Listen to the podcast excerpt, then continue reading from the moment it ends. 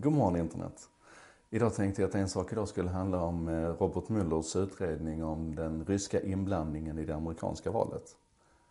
Nej, egentligen inte, fast ändå lite. Inte ur ett politiskt perspektiv, även om det skulle vi kunna prata en hel vecka om tror jag. Utan naturligtvis ur vårt digitala perspektiv. För så är det i mitt nyhetsflöde nu i natt, så trillade det in två stycken nyheter precis ovanför varandra. Den ena handlar om hur Manafort, tack vare sin otroligt låga digitala kompetens, eh, nu har starka bevis som pekar mot honom. Mer om det strax. Och det andra det handlar om det här med Facebook och annonsering och IRA, alltså Internet Research Agency och Cambridge Analytica och Facebooks annonsverktyg och hur viktigt det är att kunna det. Så man kan säga att ramverket idag handlar om digital kompetens, hur viktigt det är att kunna saker, att veta saker och att veta vad man inte kan och så vidare. Men om vi börjar med Manafort. Ehm, han är ju en av männen i den här utredningen runt Trump. Och han behövde förfalska, det här har med hans affärer att göra, hans, hans eh, affärsverksamhet. Han behövde förfalska några papper, så här Eh, resultatredovisningar och så. Och han hade dem på pdf men behövde göra dem till redigerbara Word-filer för att kunna förfalska dem, ändra uppgifter i dem och sen göra dem till pdf igen. Men eftersom han har tummen mitt i den digitala handen så klarar inte han av att göra det här själv. Utan han fick skicka dem till Gates, en annan snubbe i den här utredningen, som var lite mer tekniskt kunnig. Åtminstone så kunde Gates googla och ta reda på hur gör jag för att omvandla en statisk pdf till en redigerbar Word-fil. Nu är det ju inte så att ni ska iväg och göra en massa bus där ute.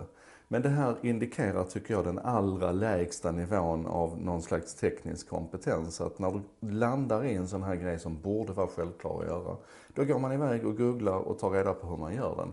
Istället för att då, i det här fallet, lämna en massa spår efter sig. För nu finns ju de här mejlen och nu kan man ju liksom, ja, det andra exemplet, det, är, det tycker jag är superintressant. Det handlar ju om de eh, annonseringen på eh, Facebook under valet, eh, det amerikanska valet. Och då pratas det ju väldigt mycket om rysk inblandning och det pratas om avancerade, duktiga företag som, som gör det här med nästan någon slags magi. Det, man pratar om Cambridge Analytica och Internet Research Agency bland annat. Men det här är inte, det är inte magi. Du behöver inte avancerade företag och, och riktiga specialister för att göra det man gjorde här. Det är klart att det finns mycket annat som du kan behöva göra som, där, där du behöver kompetens och då kan jag förresten rekommendera Peter Rosdahl. Han är, han är Facebook-guru när det gäller annonsering.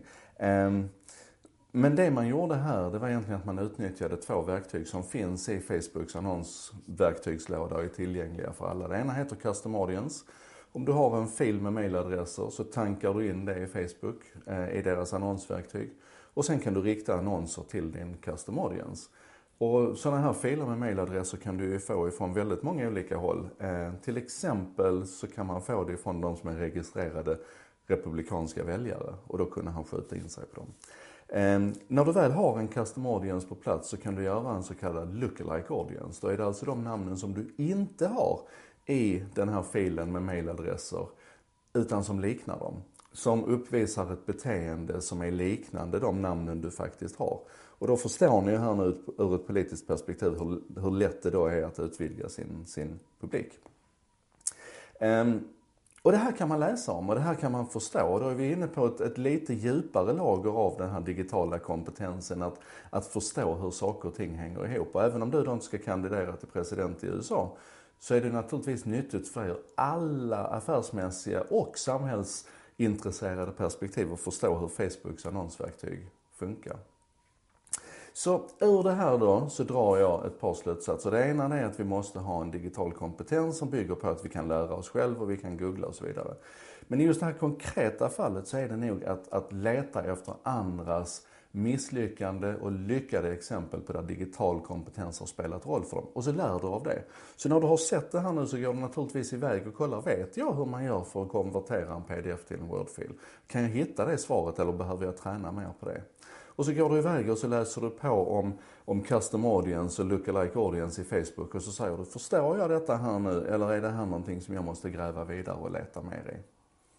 så tycker jag att man kan resonera runt det här. Och för egen del så, så ska jag idag utforska eh, vad som händer när man, ni vet när man redigerar ett dokument som man vill ska vara hemligt och man, man markerar, stryker över, svartar ut vissa delar av det här dokumentet. Hur mycket olika lösningar det finns idag för att ta bort det och fixa det. Så man kan läsa ett dokument som någon har velat att man inte ska läsa. Det, det är min lilla utforskande resa idag.